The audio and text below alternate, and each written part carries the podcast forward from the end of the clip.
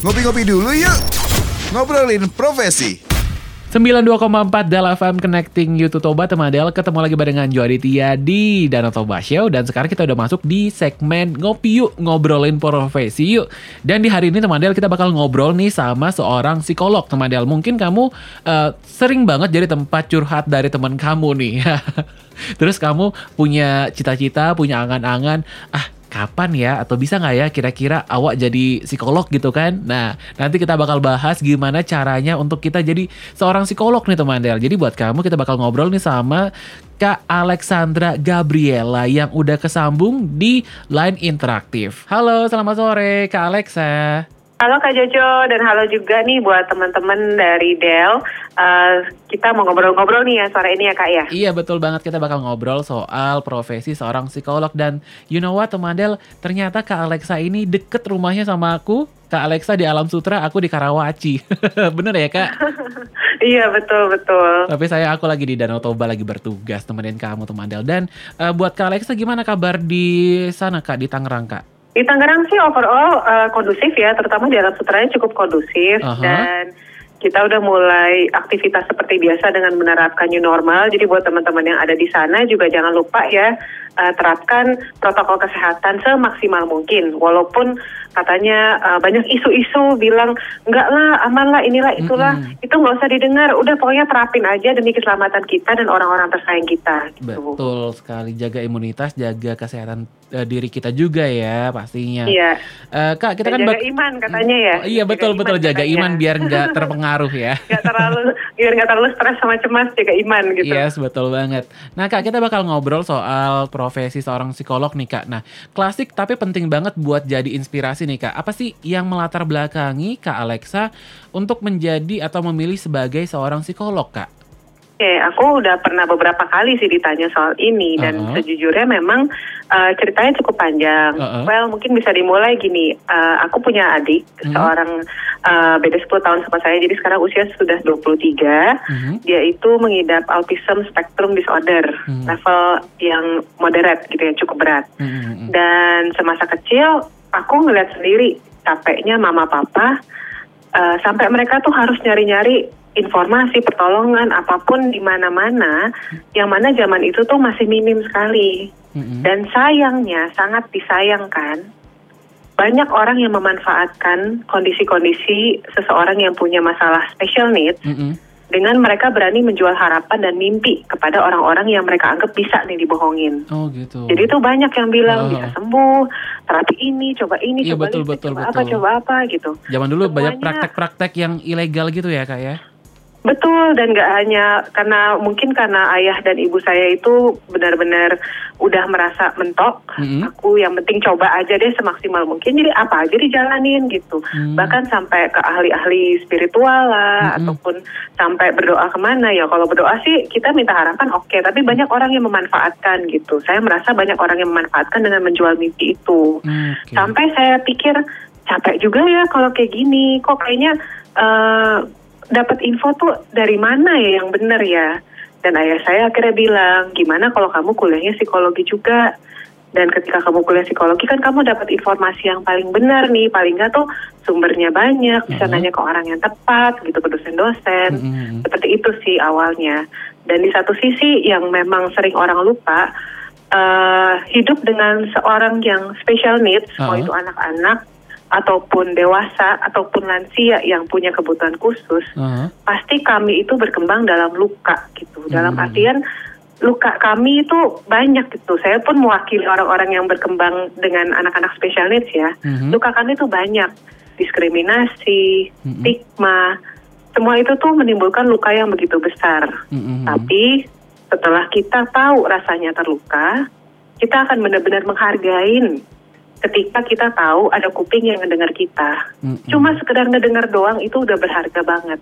Dan dari situ saya udah memutuskan, oke, okay, kalau memang nggak ada yang mau dengar mereka, saya akan dengerin mereka. Oke, okay, wis mantap ya. Dulu juga aku sebenarnya sebelum uh, siaran gitu kak di Tangerang uh, ikut les gitu kan, jadi coach gitu. Ada yang ADHD, ADHD uh, sama juga nggak sih kak? Beda, kalau ADHD itu lebih ke attention deficit hyperactive. Jadi uh -huh. gejalanya itu ada dis, uh, apa uh, inatensi, Aha. kesulitan untuk memfokuskan atensi Aha.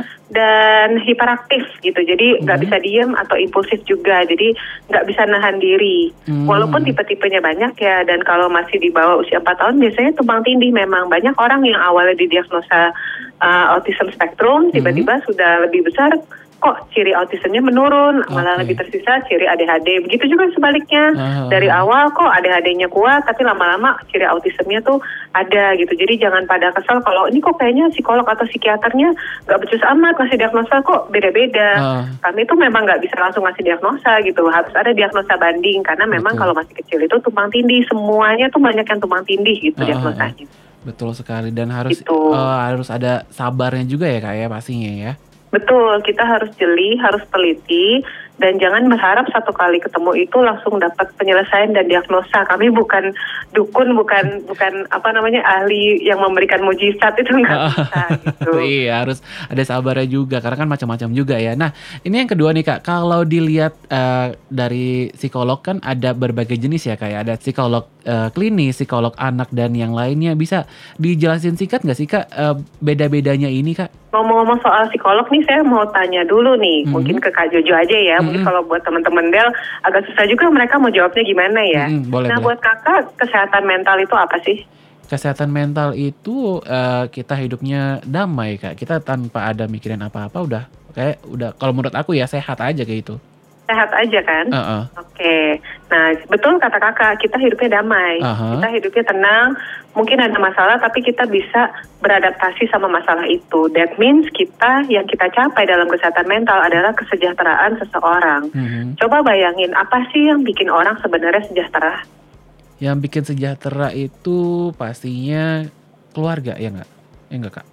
Keluarga juga sangat eh, menjadi faktor yang besar ya. Aha. Tadi saya kira orang akan menjawab, kakak mungkin akan menjawab uang kah atau materi Enggak. kah atau mungkin atau mungkin kecukupan kah? Sebenarnya enggak juga gitu. Aha, Banyak orang betul. yang selalu berpikir sejahtera itu ketika kita mapan, ketika Aha. kita punya uang yang cukup, punya kebutuhan yang cukup. Ah, betul, Sebenarnya betul. sejahtera itu sangat berkaitan sama kesehatan mental. Oh gitu. Karena Mhm. yang bikin kita sejahtera itu bukan seberapa banyak uang yang kita punya, Mhm. seberapa sehat badan kita itu nggak selamanya berpengaruh, Mhm. tapi seberapa kita bisa menerima, menyesuaikan, dan beradaptasi dengan kondisi kita yang lagi kita hadapin itu. Oke. Nah, saya ada dua orang yang cancer misalnya. Aha. Yang satu nggak terima sama kondisinya, marah, kesel, denial. Mhm. Tapi yang satu akhirnya bilang, oke karena aku cancer, aku tahu mungkin kesempatanku eh, nggak banyak, aku mau maksimalkan deh hidupku dengan sebaik mungkin. Heeh. Nah di situ kan kita bisa lihat mana yang lebih sejahtera.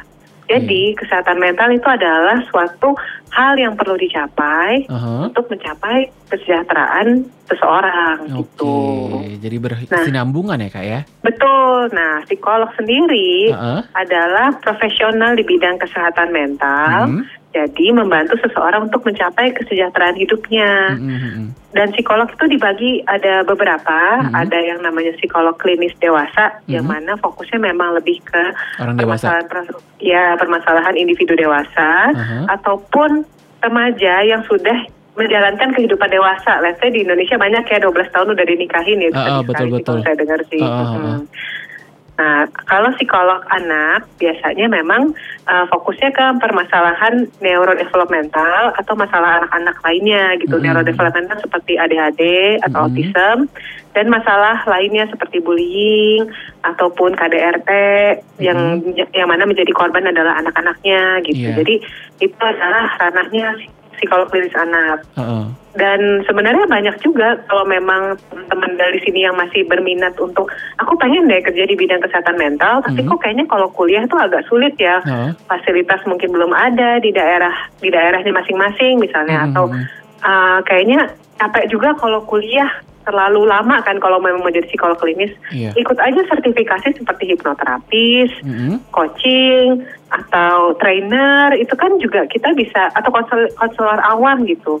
Biasanya kalau di gereja-gereja sekarang banyak konselor awam. Jadi orang-orang awam yang uh, ikut pelatihan konseling, mereka Mhm. juga bisa bantu nih. Nah, Mhm. jadi banyak nih ranahnya sebenarnya untuk menjadi profesional di bidang kesehatan mental tuh banyak banget gitu. Nggak hanya Mhm. psikolog dan psikiater aja. Oke, kalau sertifikasi begitu nanti dia jatuhnya jadi ke mental health gitu nggak sih kak? Bisa. Atau konsultan gitu lah ya. Iya, konselor, konsultan, coach, trainer, seperti Uh-uh. itu. Mungkin eh, bedanya kalau psikolog itu ada sertifikasi eh, dari eh, institusi, tapi kalau ini sertifikasi mungkin dari yang lainnya yang bikin banyak sekarang itu kan banyak eh, ini ya akun-akun untuk eh, mental health gitu ya kak ya. Betul, tapi bedanya memang kalau psikolog klinis dan psikiater, Heeh. uh, kami itu hitungannya nakes, Mm-mm. tenaga kesehatan Mm. gitu. Tapi sebenarnya sih pada prakteknya kan yang dibutuhkan gimana? Nggak semua orang langsung butuh psikolog kok. Kadang butuh konselor saja atau butuh konseling saja juga sudah Mm-mm. cukup gitu. Seperti itu. Oke. Untuk eh, karir seorang psikolog nih kak, kalau bisa dilihat itu bisa kerjanya di mana aja? Apakah dia harus eh, kerja di rumah sakit atau buka praktek sendiri atau gimana kak? Nah, psikolog itu kan banyak macam ya. Tadi kan kita Mm. lagi bahas psikolog klinis ya. Mm-mm. Sebenarnya banyak banget gitu. Jadi kayak ada yang namanya psikolog forensik, Hmm. psikolog sosial, Hmm? psikolog HRD gitu. Jadi kalau yang HRD itu biasanya atau di trainer biasanya kalau nggak uh, mereka buka semacam biro sendiri untuk uh, HR atau psikologi industri dan organisasi, Mm-mm. mereka kerja di perusahaan. Mm-mm. Jadi mau yang, yang bikin training, assessment, Mm-mm. dan uh, misalnya jadi EAP atau yang pendamping pendamping uh, em- employee karyawan-karyawan yang mungkin lagi ada masalah itu bisa. Mm-mm. Kalau yang psikolog klinis memang kerjanya bisa di biro, Mm-mm. rumah sakit atau di klinik gitu. Jadi bisa buka praktek sendiri seperti di biro, Hmm. rumah sakit ataupun di klinik seperti biasa. Kalau yang sosial dan uh, misalnya forensik, mereka itu mungkin lebih kepada uh, ini ya. Kalau yang forensik itu uh, mereka bisa kerja di semacam pengadilan ataupun mereka jadi outsource juga, tapi lebih menangani kasus-kasus pengadilan. Sosial pun menanga- menangani kasus-kasus sosial yang ada di masyarakat gitu. Oke. Kurang lebih bedanya seperti itu sih. Mm-mm. Jadi banyak dan apalagi kalau dulu zaman saya lulusan S1 tuh susah banget nyari kerjanya, bingung mau kerja apa gitu. Sekarang tuh banyak, nggak cuma yang kerja HR aja atau jadi asesor aja, konten creator bisa, penulis bisa, penulis kesehatan mental kan nggak semua orang paham kan. Ah, Kalau ah, udah ah. ada gelar S1, udah pernah belajar di sarjana psikologi kan, udah paham nih apa aja tentang kesehatan mental. Info-info populer aja deh gitu. Hmm gitu. Kalau kan tadi barusan eh, Kak Alexa bilang konten kreator. Apakah Alexa juga eh, bikin konten nggak nih di TikTok atau di IG Kak? Biasanya cuma di IG sama di YouTube. Gitu. Oh, di YouTube Jadi kalau- ada di YouTube Kak. Boleh Ya. di share Kak. Siapa tahu Ada nanti dong. kita bisa ceki-ceki gitu. Mm-mm, jadi kalau YouTube saya cari aja psikolog Alexandra Adeline gitu. Oh gitu. Jadi memang saya lebih fokusnya ke praktek. Mm-mm. Jadi memang nggak sering-sering update gitu. Biasanya kalau ada yang ngajak atau mungkin kalau lagi ada ide baru Mm-mm. saya buat gitu. Karena Mm-mm. benar-benar full seharian saya praktek setiap hari. Oh, Ya ada gitu. libur sih, tapi kalau udah libur udah fokusnya ke anak terus deh Oke. gitu. Anak dan juga istirahat pasti ya Kak ya. Iya, anak suami dan istirahat paling penting itu. Oke siap siap. By the way ini eh, Kak Alexa udah berapa lama ya Kak untuk menjadi seorang psikolog Kak? Sebenarnya kalau di bidang kesehatan mental sendiri, Uh-huh. kami kan baru bisa praktek tuh setelah lulus S2. Heeh. Sedangkan kalau mau jadi hipnoterapis, basically asal udah punya gelar hipnoterapis, Hmm. sudah bisa praktek nih. Hmm. Jadi kalau memang pengalaman jadi psikolognya saya dari 2015, Mm-mm. tapi kalau dari pengalaman dalam profesional kesehatan mental dari 2011 saya sudah praktek jadi hipnoterapis dan Oh, sebelumnya gitu. pun sudah pernah jadi eh, terapis kebutuhan anak kebutuhan khusus gitu. Jadi Oh. sempat memberikan eh, kayak semacam terapi pelajaran untuk Uh-uh. bantu mereka belajar untuk anak-anak yang eh, kebutuhan khusus. Kayak misalnya waktu dulu ada yang autism, ada yang eh, mental retardasi, ada yang borderline IQ gitu Mm-mm. seperti itu. Hmm. Terus pengalaman yang serunya apa nih kak? Yang selama ini kakak alami yang paling seru yang nggak bisa dilupain? Sebenarnya sih hampir semua cerita mereka itu tuh saya anggap sebagai novel ya. Hmm, Jadi hmm, pasti seru semua gitu. Aha. Jadi nggak ada yang benar-benar eh, berkesan. Semuanya sih berkesan, Aha. tapi nggak ada yang paling eh, berat yang mana ataupun yang cerita indah yang mana gitu. Aha. Cuma ada satu cerita yang memang eh, membuat saya tuh semakin bisa berempati Aha. dan memang nggak bis eh, saya pengen nge-share itu di YouTube saya. Saya Mhm. mau buat tapi nggak jadi-jadi lupa. Mhm. Intinya adalah tentang empati gitu. Oke. Jadi suatu hari nih Aha. ada seorang pasien OCD Heeh. yang dia tuh sempat turun sekitar 40 kilo dalam beberapa bulan karena kalut sama pikiran obsesifnya gitu. Hmm. Terus eh, saya sempat eh, dia kan takut let's say dengan kata obsesi dia adalah menghindar dari kata let's say bisu misalnya gitu Oke. ya. Heeh. Jadi selama saya tiga kali pertemuan sama dia, saya ganti kata bisu dengan kata daun gitu. Heeh. Jadi gimana perasaannya kalau lihat orang daun misalnya seperti itu. Aha. Nah pada pertemuan keempat saya bilang kalau kita pakai kata daun terus Aha. eh, nanti kita nggak bisa tantang diri kita untuk dapat perkembangan. Mm-mm. Akhirnya dia setuju untuk saya, dia belum mau ngomong kata bisu. Dia bilang nggak apa-apa kalau saya ngomong kata bisu. Saya berulang-ulang ngomong kata bisu supaya dia terbiasa. Ada Mhm. nama jenis terapinya lah, namanya ERP supaya dia Hmm. terbiasa. Hmm. Mukanya senyum biasa. Hmm. Setelah di akhir sesi dia senyum dan bilang, Bu thank you banget. Saya nggak pernah udah berapa tahun nggak bisa dengar kata ini dan saya baik-baik aja. Wih. Setelah sesi, saya salaman dong. Heeh. Pas salaman, ya ampun tangannya basah, dingin sedingin dinginnya. Ternyata dia benar-benar nahan diri tegang setegang-tegangnya. Dan saya nggak menyadari hal itu karena saya kan nggak pernah OCD ya. Heeh. Saya awalnya nggak menyadari hal itu dan dari pengalaman itu saya baru sadar. Ya ampun benar-benar yang mereka alamin itu nyata, nyata sekali Mhm. dan kalaupun dibilang berat ya berat sekali. Pastinya. Badan kan fisik nggak bisa bohong gitu ah, sampai ah. sedingin itu tangannya begitu. Oke, itu lah Itu ya. sih. Eh, senangnya orang bisa eh, terima apa yang kita kasih dan juga mereka pun seneng ya kak ya. Betul. Sama kayak waktu ini kalau waktu itu juga aku pengen cerita juga aku pernah selain ngajar yang ADHD gitu ya tempat les ada dia itu umurnya eh, lima tahun TKA gitu dia nggak bisa eh, dia kalau ngomong tuh kayak Mr. Bean kak you know eh, kalau Mr. Bean yang versi kartun ya kan dia tuh nggak bisa ngomong sama Iya. sekali kan nah dia tuh selalu nonton dikasih nonton Cartoon Network and then eh, Nickelodeon sama eh, mamanya dan niru gaya eh, Mr. Bean dan nggak bisa ngomong terus akhirnya dia tuh nggak mau sama eh, coach yang lain maunya sama aku dan at the at iya, iya at the end tuh eh, setelah dia mau naik TKB eh, mamanya bilang ih sekarang si Niki aku masih ingat namanya Niki Nik aku- eh, padahal udah lama banget Niki Niki udah bisa ngomong sekarang wih senang banget dia itu termasuk eh, eh, gangguan psikologi nggak sih kak kalau kayak gitu Kalau itu iya. Hmm. Jadi mungkin saya kan nggak tahu ya nggak Mm-mm. menangani langsung. Jadi saya nggak boleh menjelaskan diagnosanya. Mm-mm. Tapi kalau sampai dia eh, intinya kalau disebut gangguan itu seperti ini batasannya. Ketika dia eh, bisa dikatakan nggak bisa berkembang dengan baik Mhm. dan bisa merugikan diri sendiri lah. Kalau dia ngomong kayak Mr. Bean terus kan dia rugi dong. Maksudnya dia nggak bisa Mhm. beradaptasi, nggak bisa sosialisasi. Nah itu merugikan diri sendiri Mm-mm. dan atau merugikan orang lain gitu. Mhm. Jadi diri sendiri kena, orang lain juga kena. Jadi ada orang yang katanya kalau depresi kan ngurung diri, nggak mau makan. Aku nggak nyusahin siapa-siapa, tapi kan merugikan diri sendiri. Mm-mm. Terus kalau orang marah-marah, loh saya kan puas marah-marah, kenapa saya dianggap mengganggu gitu. Mhm. Tapi kan orang lain sakit hati gitu kan. Mm-mm. Jadi intinya gangguan itu ketika seseorang merugikan diri sendiri, ada ada distress lah ke diri sendiri dan ada Uh-huh. distress ke orang lain begitu. Oke, gitu ya kayak. Oke. Nah, ini yang eh, terakhir tapi nggak terakhir juga sih ya karena kita masih ada ngobrolnya nanti. Nah, eh, apa sih Kak pesan Kak Alexa untuk teman Del nih yang lagi eh, di kelas 12 atau mungkin yang masih nyusun skripsi untuk menentukan karirnya mereka nanti, Kak. Pesannya Kakak yang mau jadi psikolog ataupun nanti karir yang lain. Pesannya dari Kak Alexa.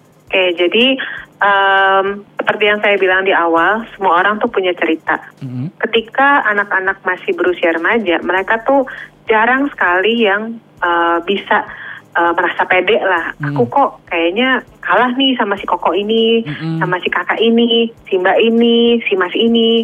Semuanya tuh rasanya kok aku nggak tahu apa-apa dan gimana aku bisa bersaing sama mereka, misalnya begitu.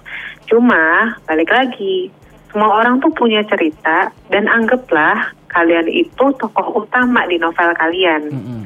Jadi kalau kalian udah tahu kalian tokoh utamanya, coba pikirkan novel kalian temanya mau apa, jadi mau bercerita tentang apa, Mm-mm. dan apa yang mau kalian sampaikan di tema itu. dalam novel itu gitu maksudnya. Hmm. Jadi ketika dia tahu, oke, aku mau cerita hidupku tuh tentang ini, aku mau ngejalanin ini. Apa sih yang paling bikin kalian tuh merasa bermakna gitu? Gak usah mikirin, aku mau ikut akunting biar banyak temen deh teman-temanku pada akunting. Aku mau jadi dokter, oh karena aku bingung mau masuk apa jadi jadi dokter aja paling nggak lulus jadi dokter. Gak usah mikirin seperti itu. Pikir aja ketika aku adalah tokoh utama di novelku, aku mau novelku temanya apa dan ceritanya tentang apa gitu. Terus kalau memang dirasa udah mulai ketemu yang agak-agak cocok, cuma masih bingung, Mm-mm. jangan khawatir. Datang aja ke biro psikologi atau mungkin uh, diskusi sama sekolah, adakah yang bisa menyediakan jasa tes penjurusan. Jadi jangan ragu untuk melakukan pemeriksaan psikologis untuk menentukan penjurusan, karir demi mendapat ya balik lagi kesejahteraan kita. Mm-mm. Buat apa kita ngikutin sesuatu yang sebenarnya uh, kita lakukan juga nggak happy gitu. Bukan walaupun dari hati kita juga ya. Mm, walaupun terlihat keren Aha. atau mungkin orang-orang sekarang fokusnya kan gajinya besar, tapi Aha. kitanya nggak happy buat apa gitu. Jadi Betul. beneran mendingan kita ngikutin sesuai dengan hati kita. Oke. Dan mungkin kalau memang ada teman-teman Del nih yang Mm-mm. uh, berpikir aku pengen jadi psikolog juga nih, Mm-mm. tapi aku nggak pede. Kalau Masalah keluargaku banyak. Aku orangnya masih galauan, Mm-mm. masih mudian. Aku banyak banyak trauma gitu. Gimana caranya bisa menolong orang? Mm-mm. Gak usah khawatir. Justru ketika kamu pernah terluka, Mm-mm. maka kamu tahu pentingnya mendengar dan menolong orang lain. Dan di situlah kekuatan kita. Ketika kita tahu luka kita itu mau dibawa untuk jadi trauma, Aha. untuk mempengaruhi hidup kita jadi kalut, Aha. atau mau jadi inspirasi buat orang lain. Nah itu Oke. pilihan kamu. Oke siap. Kak ini kan eh, terakhir-terakhir kan kita rame nih soal Clubhouse atau juga aplikasi-aplikasi kayak gitu kan. Eh, tahu kan kak aplikasi Clubhouse yang rame itu?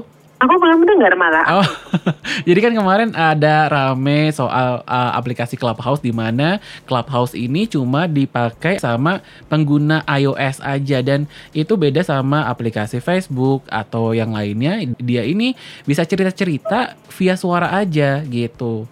Dan akhirnya Oh, nih oke. akhirnya ningkatin lagi nih, banyakin lagi yang orang-orang FOMO kak. Nah, eh, orang fear of missing out ini kalau menurut dari sisi kak Alexa, gimana nih kak eh, dampaknya untuk orang yang punya FOMO yang kayak ah gue nggak bisa ketinggalan sama satu hal ini nih, ntar dibilang kudet lah atau apa gitu kak. Hmm, sebenarnya sih itu satu hal yang bisa dikatakan positif Mhm. kalau takarannya sesuai nih. Hmm, Biar gimana, balik lagi orang bisa nyaman, Mhm. bisa sejahtera ketika mereka bisa beradaptasi sama lingkungannya. hmm, Tapi jangan sampai kehilangan jati dirinya atau kehilangan value-value yang dia punya gitu. Hmm. Masa gara-gara teman-teman suka main A jadi ikut-ikutan main A. hmm, hmm, Paling nggak kita tahu oh A itu fungsinya ini, hmm, eh, cara mainnya seperti ini. hmm, Apa nih yang bisa kita manfaatkan dari A? Nggak usah ikut-ikut eh, kayak misalnya sharing-sharing galau-galau misalnya Hmm, gitu. hmm. Atau eh, mungkin kalau kita nggak nyaman ya, kalau memang nyaman nggak masalah. Hmm. Tapi kalau kita nggak nyaman ikut-ikutan seperti itu, buat apa? Lebih baik kita berpikir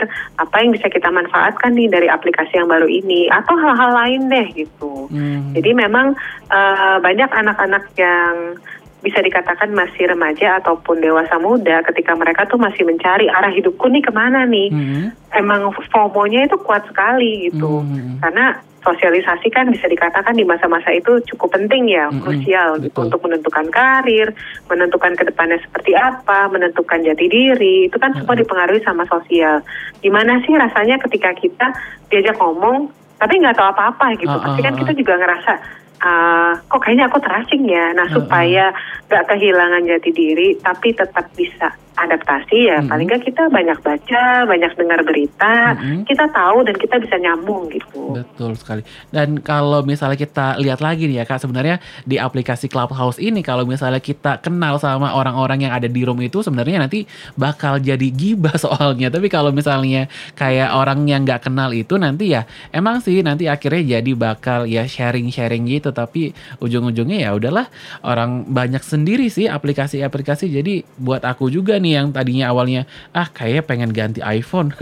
orang udah pakai Android juga ngapain juga iPhone kan mahal gitu sebenarnya. Oh gitu. Jadi Uh-uh. uh, itu tuh jadi boleh saling menanggapi. ya. Jadi ada orang curhat terus ditanggapin satu sama lain gitu. Iya, ya. kayak jadi podcast gitu, kayak kita ngobrol gini, tapi dia di aplikasi, terus juga ngobrol-ngobrol aja, sharing-sharing. Oh, pengalaman saya begini, gini, gini. Oh, kalau saya gini, gini, gini, sesuai mereka bikin roomnya apa nih? Obrolan malam kah? Obrolan yang dewasa, dewasa muda kayak gitu sih kak. Kalau cuma ngobrol ringan sih oke-oke aja Uh-uh. ya. Biar gimana kan wadah sosialisasi kita kalau bisa kan dimanfaatkan Mm-mm. sebaik mungkin. Mm-mm. Tapi kalau memang curhat saya sih agak bukan skeptis ya, tapi saya agak khawatir gitu. Karena mau jadi psikolog aja itu harus ngelewatin minimal juga sekitar enam setengah tahun kuliah nih. Hmm. Terus kalau mau jadi konselor, mau jadi uh, coach, trainer dan lainnya juga harus ada sertifikasi gitu. Mm-mm. Jadi nggak sembarang orang bisa memberikan feedback yang cukup baik. Takutnya orangnya belum siap, Uh-uh. malah diberikan toxic positivity misalnya, atau Uh-uh. ba- malah diberikan masukan-masukan yang uh, malah nggak malah menjatuhkan gitu. Kita kan Uh-uh. nggak bisa tahu ya, maksudnya mereka tuh akan dapat respon apa Mm-mm, gitu. betul. Di satu sisi untuk orang-orang yang belum ada pengalaman Iya, sebagai profesional di bidang kesehatan mental, kami kan dibekalin ya, kami Uh-uh. dibekalin ketika gimana sih caranya supaya nggak hanyut sama energi negatif yang dibawa seseorang klien atau pasien gitu. Bayangin aja setiap Mm-mm. hari saya dapat 7 sampai 9 pasien Mm-mm. yang ceritanya kan kalau ke psikolog nggak mungkin bagus ya. maksudnya. Mm-mm. Iya, kalau ke iya. psikolog nggak mungkin bagus gitu. Uh-uh. 7 sampai 9 pasien per hari dan semuanya ceritanya tuh yang buruk-buruk. Syukur-syukur kalau mereka ada kemajuan ada cerita bagusnya. Mana mungkin kalau orang yang nggak dikasih latihan untuk uh, membatasi energi itu Uh-uh. bisa nggak hanyut gitu. Oke. Nah bayangin kalau misalnya Iya. hal itu dilakukan sama orang-orang yang nggak pernah latihan dan nggak pernah tahu, tapi mereka dengerin cerita orang yang negatif-negatif, akhirnya Iya. terhanyut juga negatif Iya, pikiran bet- dan perasaannya. Betul gitu. betul apalagi kalau misalnya yang mereka kasih saran juga yang ngasih saran cuman berdasarkan pengalaman pribadi sama mungkin pengalaman dari orang yang pernah cerita lagi sama dia gitu kan yang kak ya. Betul, karena kalau misalnya ke coach, Heeh. konselor, psikolog atau psikiater, Heeh.